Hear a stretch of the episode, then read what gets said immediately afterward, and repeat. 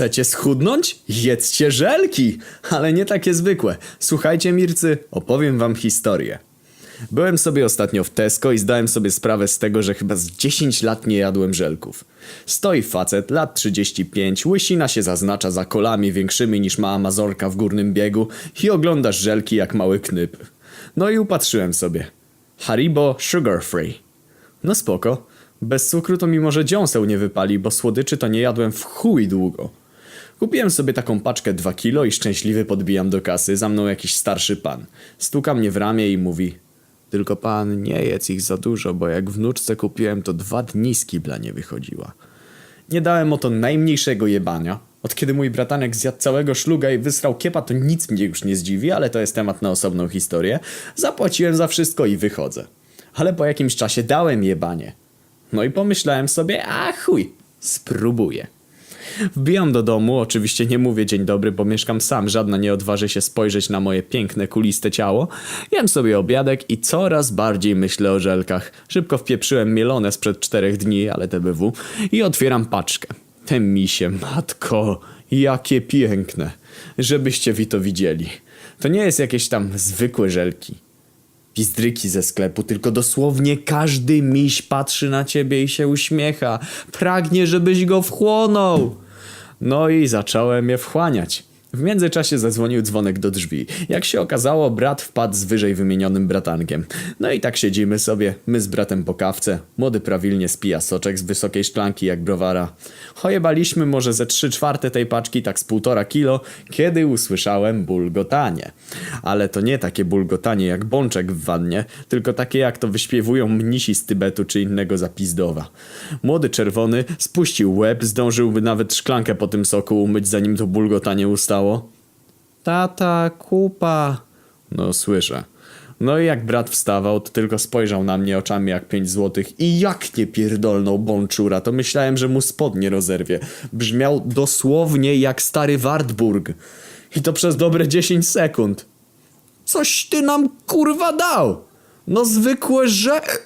I nagle jakbym dostał pięścią w brzuch. Tak mnie skręciło, że się zjebałem z krzesła. No i zjebałem. Co potem się działo, to była fekaliokalipsa. Młody oczywiście nie doszedł do kibla, zasrał próg w kuchni i kawałek przedpokoju. Brat w ostatniej chwili podłożył sobie garnek, fajny, taki nowy, pięciolitrowy i w trzy sekundy się z niego wylało.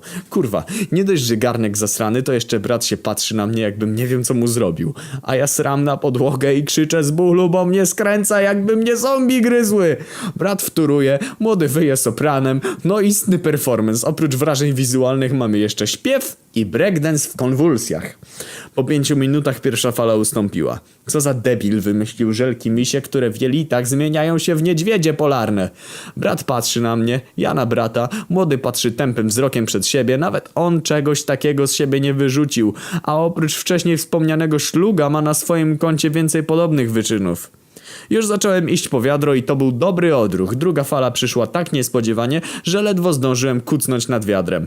Młody popuszcza jakieś mokre bąki, ja kurczowo trzymam się drzwi od łazienki, podczas gdy furia szatana niszczy wiadro. Biatr, brat siedzi wyczerpany na krześle i mówi O, dobra, ten będzie suchy. No, po jego twarzy wywnioskowałem, że nie bardzo. Zaraz zaczął się zwijać i spadł z tego krzesła, prosto we wcześniej pozostawione przez niego gówno. Ta fala trwała jakieś 20 minut i czułem, że jak przyjdzie jeszcze jedna, to wysram materię pozakosmiczną, bo gówna to już tam nie będzie. W międzyczasie słyszę stukanie w rury.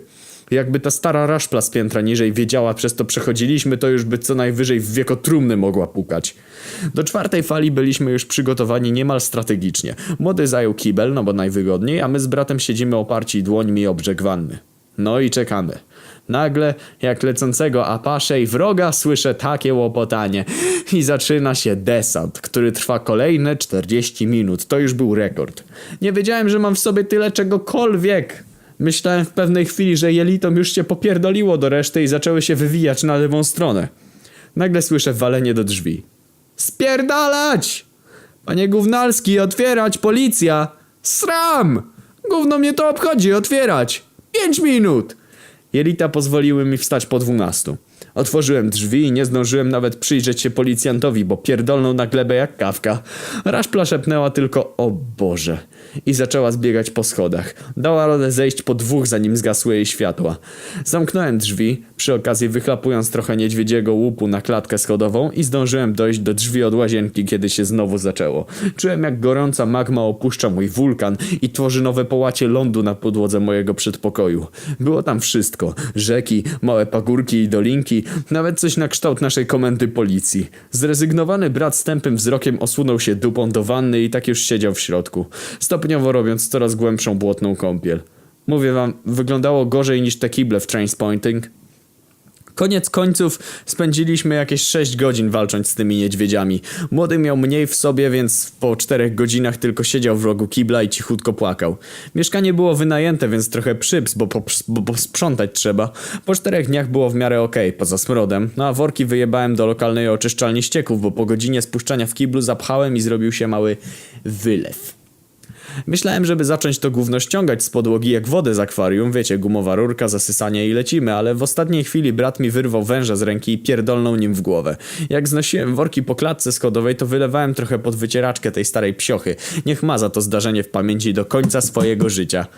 Epilog? Zgubiłem tego dnia 12 kilo. 12. 12. Niech mi żadna Ewa Koniakowska czy inna Mela B nie pierdoli, że jej dieta jest skuteczniejsza. Po tym jak tydzień nie było mnie w pracy, wyjebali mnie z firmy ochroniarskiej, zatrudniłem się w restauracji. Jak przychodzą jakieś gnojki, które za głośno są, to daję im miseczkę żelków. Dla szanownych klientów. Przecież się gówniarze nie przyznają rodzicom, że wpieprzały słodycze. No a ja mam ubaw, widząc, że, widząc ich skręcone małe ryje. Brat się dalej do mnie nie odzywa, ale Myślę, że niedługo mu przejdzie.